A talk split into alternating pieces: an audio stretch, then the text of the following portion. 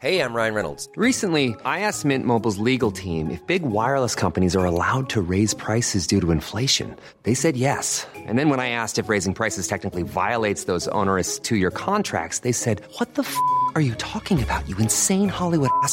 So to recap, we're cutting the price of Mint Unlimited from $30 a month to just $15 a month. Give it a try at mintmobile.com slash switch. $45 upfront for three months plus taxes and fees. Promo rate for new customers for limited time. Unlimited more than 40 gigabytes per month. Slows. Full terms at mintmobile.com.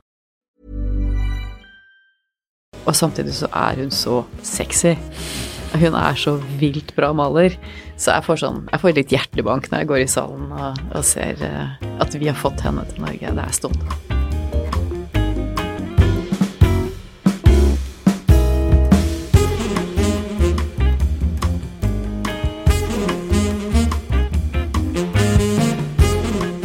Hei og velkommen tilbake til Kunstpraten. Denne fredagen så sitter jeg i studio igjen, og jeg har med meg en spesiell gjest. Det er Munch-museets relativt ferske toppsjef, vil jeg si.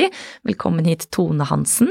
Takk, en glede å være her. Veldig hyggelig. Og det er jo nå et år siden cirka at du tok over på Munch. Da gikk den eh, daværende sjefen Stein Olav Henriksen, som vi også har hatt her i studio tidligere faktisk, han gikk av, og du tok over. Så kanskje vi skal starte med litt sånn hvordan har dette første året vært? Det første året på Munch har vært en eh, evig stor gave eh, og en enorm læringsprosess, selvfølgelig. Eh, I tillegg så har vi jo på en måte gått fra å være en organisasjon som har vært i operasjonsmodus eh, for å flytte inn, til å bli en institusjon i drift. Så jeg har fått lov til å være med og ta over stafettpinnen fra den store flytteprosessen og komme inn i huset og drive et år. Eh, Og så har jeg fått lov til å, da forme det andre året i et nytt hus. Ja. For er du glad for at du slapp hele den flyttedelen av det? For det virker som det var en, eh, en ganske stor jobb og mye Ja, alt fra forsinkelser og sikkert mye planlegging og alt mulig. Er du glad du slapp det, eller skulle du gjerne vært med på det? Jeg skulle jo gjerne vært med og tenkt eh, rundt bygget og Ja. ulike løsninger og sånn, for jeg kommer jo fra kunstfeltet og har, har stor kjærlighet for hvordan en god utstilling virker, så det skal jeg gjerne ha vært med på. Men, eh, men samtidig så tenker jeg at det er et veldig fornuftig skifte i det man har gjort den enorme innsatsen som eh, Stein og teamet hans gjorde med å komme inn i huset, og ikke minst holde opp oppmerksomheten og interessen rundt huset og Munch eh, høyt oppe i bevisstheten hos veldig mange hele veien inn i huset. Så det var, eh, det var jo også litt sånn vakuum ikke sant, når jeg kom inn, fordi det var, det var ett stort mål. Vi skulle inn i huset, alle jobba med ett mål, det, og det var å få det huset til å virke. Eh, og så kommer jeg inn, og så er det liksom Gi oss neste mål! Ja. Hva er neste mål? Eh, og da er jo det en ganske morsom stafettpinn å ta over, og, og på en måte roe tempoet litt ned, se på hva vi skal få til sammen, og se på hva som er en fornuftig drift, og samtidig sette et minst like hårete mål da, som, eh, som det å få til et eh, nytt Munch-museum i Bjørvika var. ja. Hva er det nye målet, da? Du, vi har veldig store ambisjoner på Munch. Eh, Vi har jo allerede sett at vi er en stor magnet. Vi trekker, tiltrekker oss veldig mye folk. Eh, Tall er ikke alltid så viktig, men, eh, men vi hadde 850 000 første året av besøkende. Og vi styrer mot rundt 700 000-750 000 i år. Og det er i- norsk sammenheng helt unikt og noe helt nytt å skulle møte så mange mennesker med et godt innhold. Og det viser jo at vi er i ferd med å bli en kulturnasjon. Vi går fra å være eh, til å, til å være en sport og idrett eh, og på fritida-nasjon til å bli en, en befolkning, eh, spesielt i Oslo, da, som har lyst på kultur, og som, som identifiserer seg med kultur. Og da er jo vår jobb å gjøre det så relevant som mulig overfor de, men også overfor turistene. Så vi har et stort mål om å bli Nord-Europas mest attraktive kunstmuseum. Det er et godt mål. Nord-Europa er jo stort. Ja. Eh, Vi sammenligner oss jo også med, med andre institusjoner som ikke er innenfor et sånt geografisk område som Nord-Europa, men, men det å kunne diskutere attraktivitet, kvalitet og besøk i ett og samme spekter, og, og se på hvor er det vi ligger i et europeisk landskap, det er eh, utrolig spennende for oss, Eh, og viser også egentlig litt sånn ambisjonene våre, at vi skal være et internasjonalt museum med stor global eh, nedslagsfelt. Eh, også fordi at vi vet at eh, Edvard Munchs fan, altså alle, alle de som elsker Edvard Munch rundt omkring i verden, de, kom, de fleste av de kommer aldri til å besøke Oslo. Men vi skal skape relevant innhold for de der de er, og hvordan når vi ut med det, og fins det en inntjeningspotensial i det også, er jo også veldig interessant for oss. Men av de, hvis man sier det blir 750 besøkende i år, da, hvor mange av de er nordmenn, og hvor mange av de er turister, eksempel? Ja, nå har jeg ikke tallene, må jeg nesten Men er, litt. eh, Men, men sommersesongen er en veldig viktig sesong for oss, hvor eh, turistene kommer inn Ja. døra og er eh, en veldig viktig inntektskilde, selvfølgelig, men også en veldig viktig del av det hele Oslo skal levere på i forhold til å skape gode opplevelser i byen. Mm. Og jeg syns det er veldig gøy at, og jeg er veldig glad i Holmenkollen hopp og Vikingskip og som nå er stengt, for så vidt, men jeg er veldig glad i alt det spekteret av Oslo kan tilby, men det at vi nå begynner å bli en kulturby, eh, hvor turistene kommer for å se Munch, de kommer for å se Nasjonalmuseet, for å få en omvisning i operaen, kanskje de må gå på opera, eh, gå på operataket, spise på fantastiske restauranter, det, er med, det, det betyr at vi er en del av den faktoren som gjør at Oslo blir en mer attraktiv by. Mm. Så hva har vært høydepunktene da, fra det siste året? Er det noen konkrete ting du kan trekke ut? En spesiell utstilling eller noe annet som har skjedd? Ja, altså man gleder seg jo alltid til det som kommer, Mm. eh, men jeg må jo si at eh, for det første så har jeg blitt mottatt av en helt fantastisk stab. Med en sånn entusiasme og stå-på-vilje og eh, kjærlighet for sin egen arbeidsplass.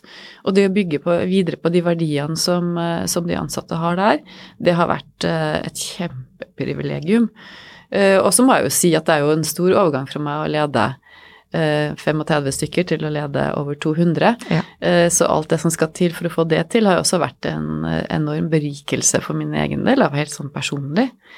Eh, Og så syns jeg at vi gjør fantastiske utstillinger på Munch. Eh, En av de store opplevelsene mine var jo eh, Alt er liv, utstillingene vi satte opp igjen etter Vi gjorde rett og slett en remake, det er ikke så veldig ofte museer gjør det, men vi kunne det fordi det er Munch. Og så fikk vi laget igjen den utstillingen som vi åpnet med, som bare sto i tre uker.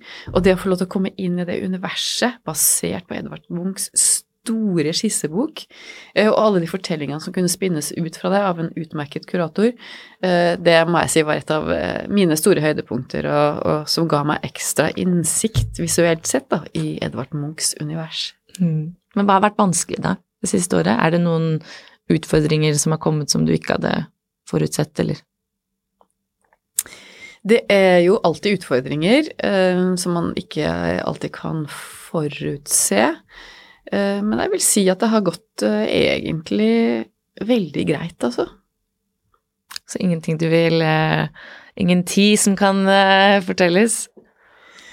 Nei. Nei. vi har et veldig godt produksjonsapparat. Folk folk er på plass der de skal. Så den, den lille utfordringen er rett og slett å gå fra å være så operative til å komme over i en driftsfase, og ikke minst stake ut en ny kurs, da. Mm. Og det er jo var jeg veldig klar over at vi skulle gjøre, og eh, hatt det veldig gøy med. Men du kom jo fra Henny Onsdag kunstsenter, eh, og hadde vært der i mange år totalt. Var det tolv år? Nei. Elleve år, ja, Elleve som år, direktør. ja. Mm. Eh, hva gjorde at du ville bytte jobb, da? Var det det at Munch-muligheten var så stor, eller var det andre ting som gjorde at du var klar for noe nytt? Ja, jeg syns jo at man skal flytte rundt på direktørene, eh, fordi man skal dele på definisjonsmakten. Eh, og samtidig så var det jo en gang i livet du får sjansen til å ta en sånn jobb. eh, Med å lede et flaggskip for eh, Oslo. Så det var det, er, det sa seg selv, dette har jeg bare så lyst på. Så hvordan var, den, ja, hvordan var den prosessen? da? Var det du som kontaktet de, var det de som kontaktet deg? Ja, det var jo et eh, headhunterbyrå som hadde oppdraget med å kartlegge eh, søkere, så det var flere innledende samtaler der. Og så var det jo en lang prosess med og veldig grundig prosess, og det er jeg veldig glad for, fordi man ble testet og diskutert og fikk lov til å vise seg frem for det man står for. Eh, Så det, det var en troverdig og, og god prosess inn i, inn i jobben. Mm. Men jeg var veldig klar for den, altså. Ja. ja, det var veldig bra. Men hvilke andre deler av karrieren er det du ser tilbake på da, og tenker at var liksom avgjørende for at du endte opp der du er, da? Ja, godt spørsmål. Det er jo en litt uvanlig bakgrunn eh, fra 90-tallets eh, store, frie kunstfelt, hvor eh, veldig mange forskjellige folk ble kuratorer, mange kunstnere som starta institusjoner, og man begynte å teste på en måte hele muligheten for å bare ikke bare lage kunst, men også formidle. Og jeg er jo utdanna billedkunstner, så jeg, jeg, vet jo hva det vil si å lage. Eh, og jeg vet kostnaden og risikoen som kunstneren tar også, med, gjennom et langt liv, eh, hvor du skal eh, Du står alene med det du produserer, og og ta risikoen økonomisk også, så, så, jeg har veldig stor respekt for kunstnerens både kreativitet og risikovilje. Eh, og samtidig så var 90-tallet et sånt tidspunkt hvor, hvor, veldig mye ble testa ut av hva er egentlig en institusjon, hva kan vi putte inn i begrepet, hvordan kan vi utfordre den. Så jeg var som en del av et stort, eh, egentlig internasjonalt felt som, som rokka litt ved institusjonen og institusjonsmakta, hadde det veldig gøy med det. Eh, så, og så Eh, kom jo institusjonen seilende, da. Henny Jonstad eh, Muligheten kom, først som kurator og så som direktør, og da så jeg jo hvor mye man kunne gjøre gjennom en institusjon som var mer solid, da. Så det var fantastiske elleve år. Eh, tett på kunsten, hardt arbeid med økonomien, sikre at man fikk inn de støttespillene man trengte for å klare det, og drive på margin for å og, og, sikre at man fikk laget alt det bra innholdet man hadde lyst til å dele med publikum. Mm. Men som du sier, du er jo utdannet kunstner. Eh, hva tror du var den viktigste grunnen til at du Eller største årsaken da, for at du ikke endte opp som kunstner, og at du gikk den veien da inn til institusjonene? Var det det at du selv ikke ville være kunstner, eller at du fikk spesielle muligheter til å gå ut av det, eller?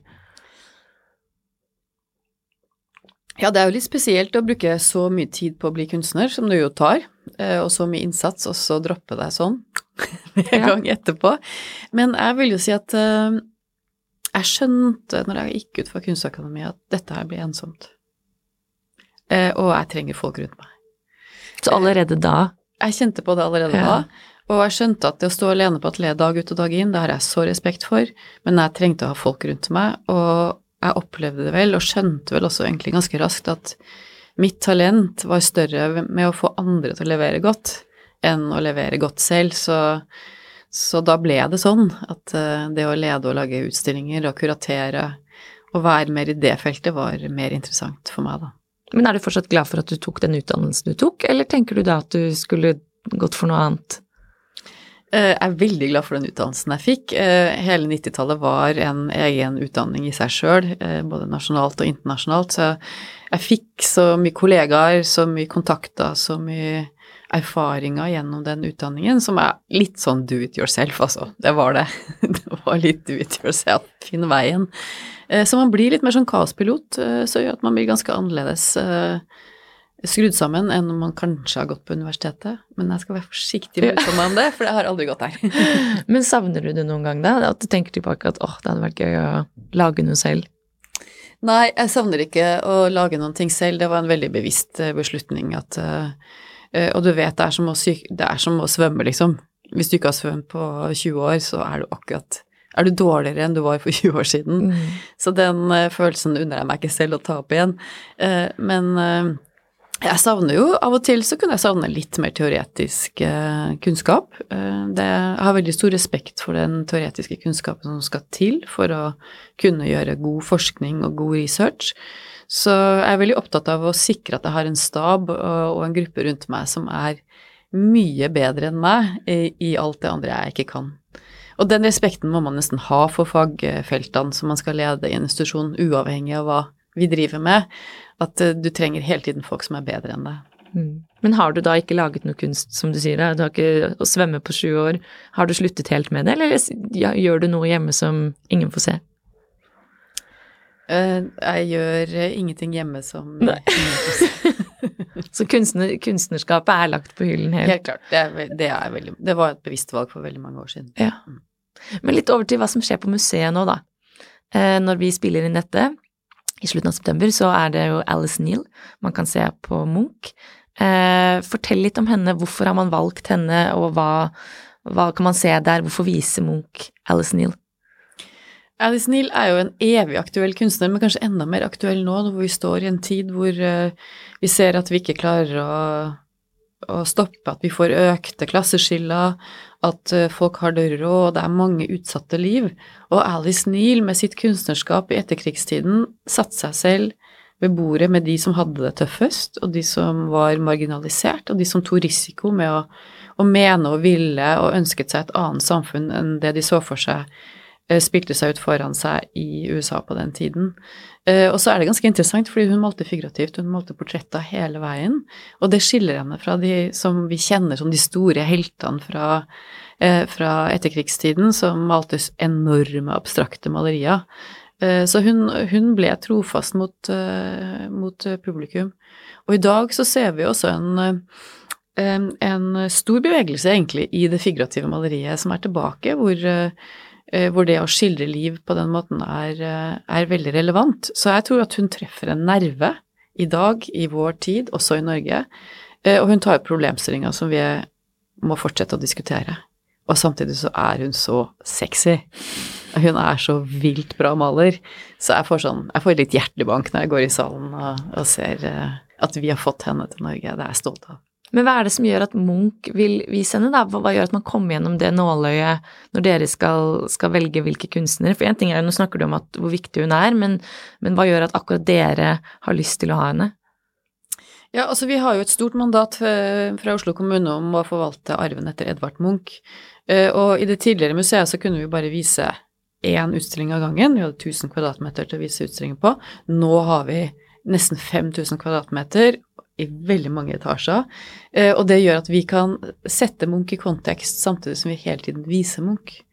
Og jeg tenker at Alice Neal med sitt engasjement for sin tid er definitivt relevant også sett i sammenheng med Munchs engasjement for, eh, for de utsatte Eh, på, på, hans tid. Så sånn sett så er det en veldig klar linje mellom de to. Men så er det kvalitet, relevans, som spiller veldig så grad inn når vi skal ta en beslutning om hva som skal vises. Ja, og de som, som, hvis det er noen som ikke har vært på Munch, da, eller kjenner så godt til det at dere tar inn andre kunstnere, så er det jo alltid selvfølgelig noen ting som er fast på museet, og så er det da disse temporære utstillingene hvor dere tar inn nye samtidskunstnere og, og prøver å vise noe nytt. Da. Og dette, hvor ofte er det dere tar inn andre utstillinger? Vi gjør seks til åtte utstillinger i året, eh, og så har vi de faste salene med, med Edvard Munch. Men vi setter jo også Munch i kontekst og, og viser han i andre sammenhenger også. Så det, så det, er jo også utfordrende utstillinger som viser uh, ulike sider av Munch som ikke er oppe hele tiden.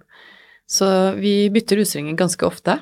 Uh, så det er stadig noe nytt som skjer på, på Munch oppover i etasjene. Men er det også fordi man vil at En ting er jo turistene, da, som kanskje er en begrenset tid i Oslo, men, men, de som bor i Oslo eller i Norge, da, eh, bytter man så ofte fordi man vil at de skal komme tilbake og tilbake flere ganger i løpet av året?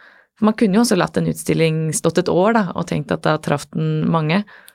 Ja, for det første så Eh, tenker vi at sommersesongen er utrolig viktig at vi har den beste, mest solide Munch-presentasjonen oppe. Ja. Turisten kommer én gang.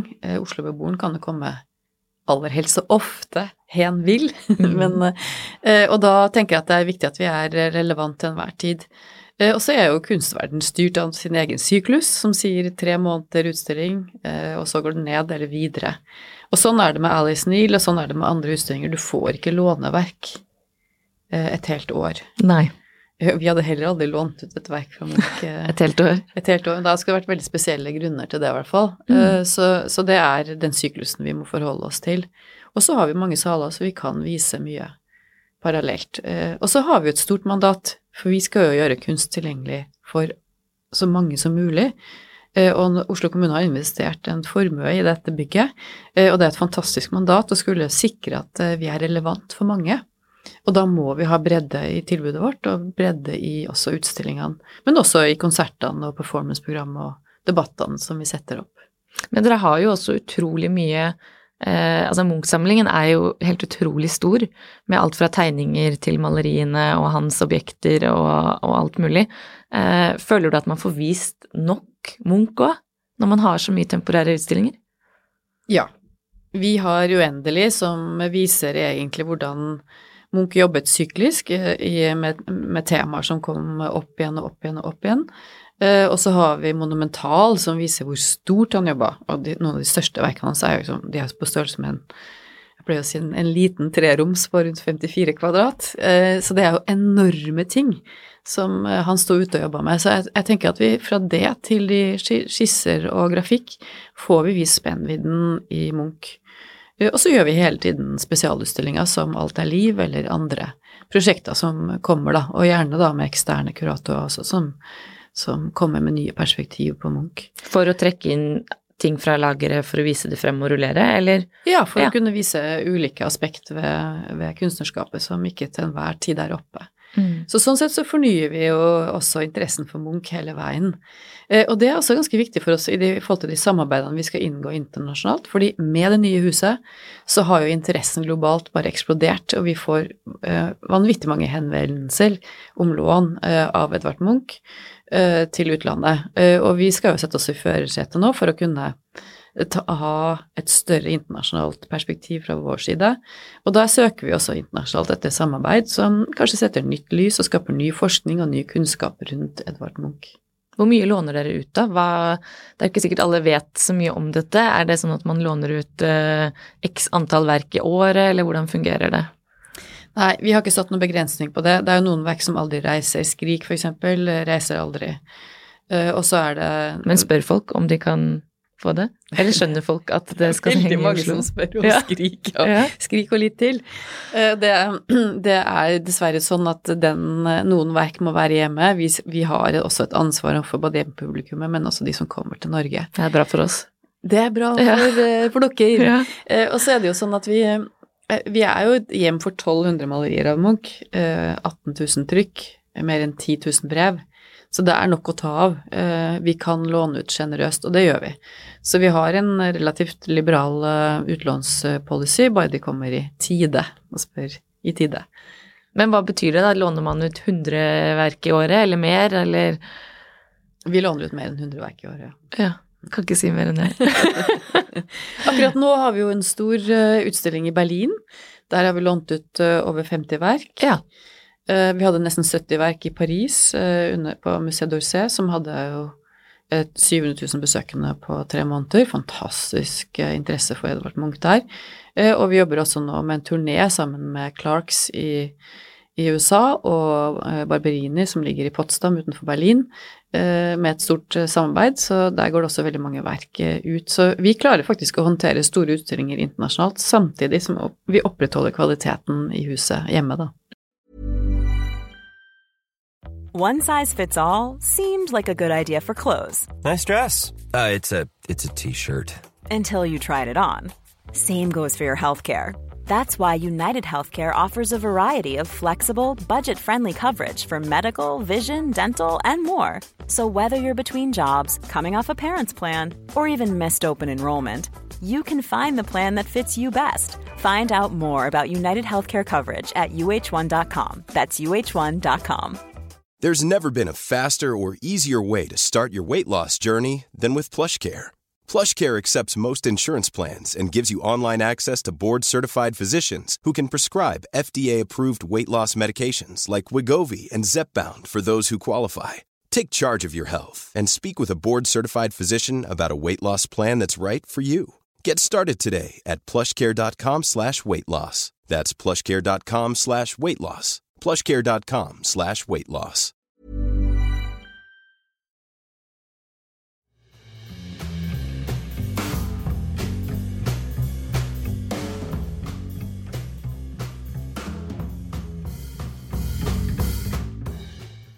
Men som du sier, da, dere har så utrolig mye. Hvor mange grafiske verk var det du sa? 18 000. 18 000. Hvor er alle disse tingene? Er alt i museet på lageret der, eller har man satt det andre steder, eller?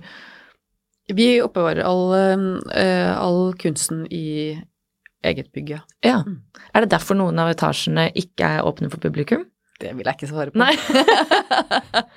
Må tenke selv. ja, det er um, store lagre internt i huset, ja. ja. Mm. Men hvorfor har ikke f.eks. Rolf Stenersens samling da, en egen etasje? Det syns jeg at man burde hatt. Og så skjønner jeg at det er prioriteringer, da, men hva har gjort at det, at Godt det ikke er det? Godt spørsmål, fordi uh, Munch er jo en sammenslåing av to museer. eh, Rolf Stenersens samlinger og Edvard Munch sin gave til Oslo. Eh, Og vi skal åpne en hel etasje i ellevte etasje for Rolf Stenersen. Ok, lover. spennende. Men ikke bare for Rolf Stenersen, men Stenersen-samlingen eh, sett i sammenheng med Munch og andre verk vi låner inn for å lage en god fortelling om, om norsk, nordisk og internasjonal modernisme. Så der får vi muligheten til å sette Munch i, i en større kontekst. Det er bare det at vi har hatt et samarbeid med Bergen og Kode eh, om å vise hans gave, for han delte jo gaven sin i to. Ja. Så det internasjonale Bergen, ja. kunsten gikk til Bergen, og så gikk den eh, norske til, eh, til Oslo. Og eh, for første gang så har vi jo vist de sammen. Så den utstillingen har vært der nå, og så kommer den tilbake. Okay. Og da kommer det en splitter ny, fantastisk fin presentasjon av Stenersen og Munch. Men blir det en fast utstilling på huset da i 11. etasje, eller er det nå en, altså det blir en midlertidig som Ja, det blir en permanent utstilling i 11. etasje, uh, som blir uh, en veldig god mulighet for oss til også å snakke om uh, norsk modernisme. Spennende. Mm. Da kan man glede seg til det. Når var det, var det i løpet av neste år, eller? Den kommer tidlig neste år. Ja. Men før det, må jeg bare si, så kommer det Goya og Munch i Ja. november. Det blir helt fantastisk og en unik opplevelse å få lov til å se Goya og Munch Jeg fortell litt i om det, da. utstilling. Ja, altså, det er jo 100 år mellom de, så det er jo ikke sånn at, eh, at de var samtidig på noe som helst vis, men det er første gangen en av våre kuratorer ser på, eh, på Munch i forhold til hans forbilder og hans fortid. Ja. Så vi ser bakover i tid, og det, det er veldig spennende. Ja, det har jeg ikke tenkt så mye på, faktisk. Nei, ikke men sant. det, vi har jo gjort sant. eh, og Maplethorpe og Ja. Og Eh, men denne gangen ser vi bakover i tid, og eh, Goya var, ble hentet frem i Munchs tid som en moderne kunstner, og veldig mange ble inspirert av han. Eh, og, og, det, og det har jo bare fortsatt. Altså Goya inspirerer jo kunstnere en dag i dag. Så det å kunne koble de to sammen og se på, på ulike perspektiver både hos Goya og hos eh, Edvard Munch, eh, blir en helt unik opplevelse. One of a kind. November, altså. Hvor lenge står denne? Den står altså i tre måneder, da. Ja. Så da må man komme seg dit, prøve å komme dit før jul, kanskje. Altså, det beste med, med Munch-museet er jo at vi holder åpent gjennom hele jula. Ja. Så det her kan man til og med tilbringe julaften hvis man vil slippe litt unna. Så kan man dra på Munchmuseet. Få en litt annen juleopplevelse. Mm. Men hva har vært ditt eh, fokus det siste året? Altså, er, tenker du at Hva skal du gjøre annerledes enn Stein, for eksempel, da?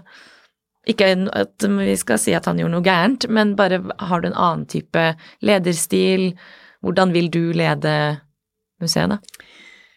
Vi har definitivt eh, ulik lederstil, eh, men her kommer også inn på et tidspunkt som er veldig annerledes enn den tiden han drev, så, så det, det kan nesten ikke sammenlignes. Det han fikk til og gjorde, og det vi skal gjøre nå, er to forskjellige ting. Vi er over i en driftsfase og skal sikre at vi har stabilitet, og at vi har godt arbeidsmiljø, og at, eh, at alle opplever at de hører til på arbeidsplassen, men ikke minst at vi jobber tverrfaglig. Fordi eh, fra å være 45 stykker til å bli 200 er en stor overgang, og det å sikre den fleksibiliteten og tilstedeværelsen og eierskapet hos alle er en stor jobb å gjøre. Eh, Jeg er veldig glad for å ha det fokuset med oss. Vi har arbeidsmiljø som, som en av våre store prioriteringer frem mot 28, for å sikre at vi nettopp lager en god kultur, en arbeidskultur. Eh, For det må man når man er så store. Eh, Og da sitter du jo med veldig mange eh, fagfelt som skal, som skal være med. Det er alt fra fotografer til konservatorer til de som passer på de som vasker, til, til kuratorer og, og markedsføringsfolk og folk som kan butikk. Så alle disse tingene her skal jo ivaretas og ses som en del av et større helhetlig bilde. Og hvis vi klarer å jobbe på tvers, så kan vi jobbe både smidig og raskt og skape enda bedre opplevelser for publikum. Og du har jo ansatt eh, flere nye ledere, Ja. eh, og som ikke har eh, kunsthistorisk bakgrunn eller utdannelse. Eh, hva tenker du på når du ansetter nye ledere? I mitt eh, lederteam, så når du går inn i en ledergruppe, så er du leder. Og du er leder for alle på Munch.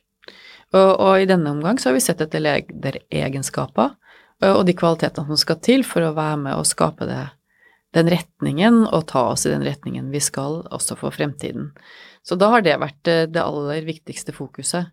Eh, Og så vet jeg jo at dette her blir diskutert, eh, og jeg har så stor respekt for den diskusjonen, og er veldig glad for diskusjonen, fordi vi trenger også veldig gode fageksperter, eh, og de skal vi ta vare på i veldig stor grad, og vi skal også sikre at det er eh, å oppleve som medbestemmelsesmuligheter i både program på alle nivå på museet. Mm. Så bra. Men så er det jo sånn at vi er inne i en bransje og en tid hvor man, vi har liksom gått fra å være eh, fra å være kunstsentrisk til å bli publikumsentrisk. Eh, og det er en utfordring eh, og en veldig spennende tid. Eh, vi har jobbet mye med det på, på Hen Jonstad, eh, og vi jobber mye med det også på Munch, fordi vi har gått fra å være et kunstsenter til et publikumsentrisk eh, sted, hvor vi setter publikum i sentrum. Det betyr ikke at vi kaster ut kunsten ut med badevannet over hodet, det er bare at vi må ha en større, et større perspektiv på hvordan vi jobber, og hvordan vi når folk. Å drive museet mer som kanskje en annen type institusjon eller bedrift enn bare et kunst, eh, kunstsenter, liksom? Ja, altså vi er jo Vi skal jo konservere og ta vare på Munch for evigheten, så det er et stort mandat vi har, og vi skal formidle Edvard Munchs kunst, som også er et veldig sånn solid perspektiv inn i hva et museum er. Men på toppen av det så kan vi skape nye formidlingsmetoder og nye Bruke ny teknologi, se hva, hva den nye verden kan eh, for fremtiden eh, bringe oss, som gjør at vi er skodd for eh, en ny virkelighet. Vi ser jo det, at det- kommer et nytt publikum som som eh, ikke er vant til å se på et statisk bilde på vegg, eh, som gjerne vil underholdes eller utfordres, eller som vi trenger å lære mer av hvordan de oppfatter virkeligheten. Så det å, være skodd for å ha innovasjonsperspektivet på plass i hele institusjonen er enormt viktig for å kunne sikre at vi klarer å, å møte også eh, det nye publikum om 20 år, da, som har helt andre forventninger. Så det trengs mer enn bare kunsthistorie for å drive et stort, eh, stort kunstmuseum. På Munch så jobber det fageksperter på alle nivå, i alle avdelinger. Mm. Og nå, nå vi, snakket vi så vidt om før eh, vi startet innspillingen her òg, at nå starter jo snart en, en ny utstilling med Admir Batlak. Eh, kan du ikke fortelle litt om den nå?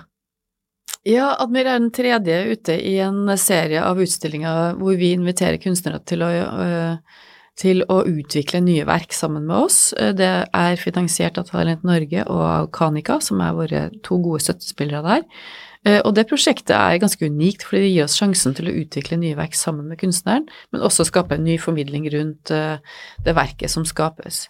Og Admir er jo en vi kjenner som designer. Har jobbet mye med tekstil, veldig utfordrende eksperimentelle eh, klesdesign, og har nå tatt med seg den erfaringen, eh, som jo handler om kropp hvordan du kler deg og eh, alt mulig, over i kunsten, eh, og har begynt å jobbe skulpturelt med tekstil, eh, men har med seg alle de erfaringene, kunnskapene fra, fra tekstilbransjen over i, eh, i, eh, i en mer skulpturell form. Så han har fått sjansen til å lage et stort nytt verk. Eh, Det skal vi eh, slippe løs eh, for publikum om ikke så altfor lenge, og det gleder vi oss veldig til. Ja, når kan man se det? Det kan man se eh, Det er åpent når denne sendingen sendes. Ja. Da er jo det verket allerede på plass. Så da er det bare å komme seg dit for å se det? Det er i tiende etasje. Ta rulletrappene opp. Mm. Så bra.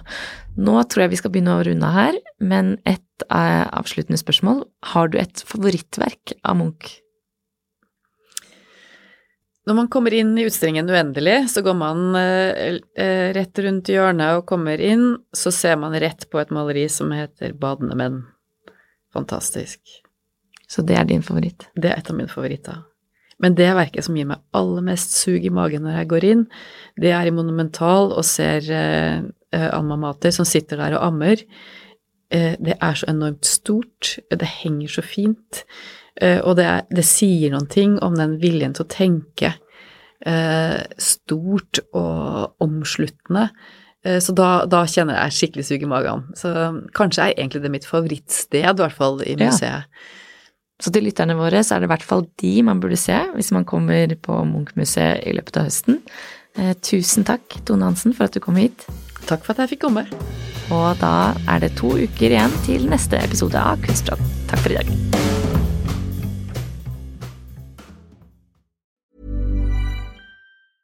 Mom deserves the best, and there's no better place to shop for Mother's Day than Whole Foods Market. They're your destination for unbeatable savings, from premium gifts to show-stopping flowers and irresistible desserts. Start by saving 33% with Prime on all body care and candles. Then get a 15-stem bunch of tulips for just $9.99 each with Prime. Round out Mom's menu with festive rosé, irresistible berry chantilly cake, and more special treats. Come celebrate Mother's Day at Whole Foods Market. Kunstpraten er en podkast fra Finansavisen. Programledere er Margrethe Hegnar og Kari Nestås. Produsent er Lars Brenden Skram. Og ansvarlig redaktør er Trygve Hegnar.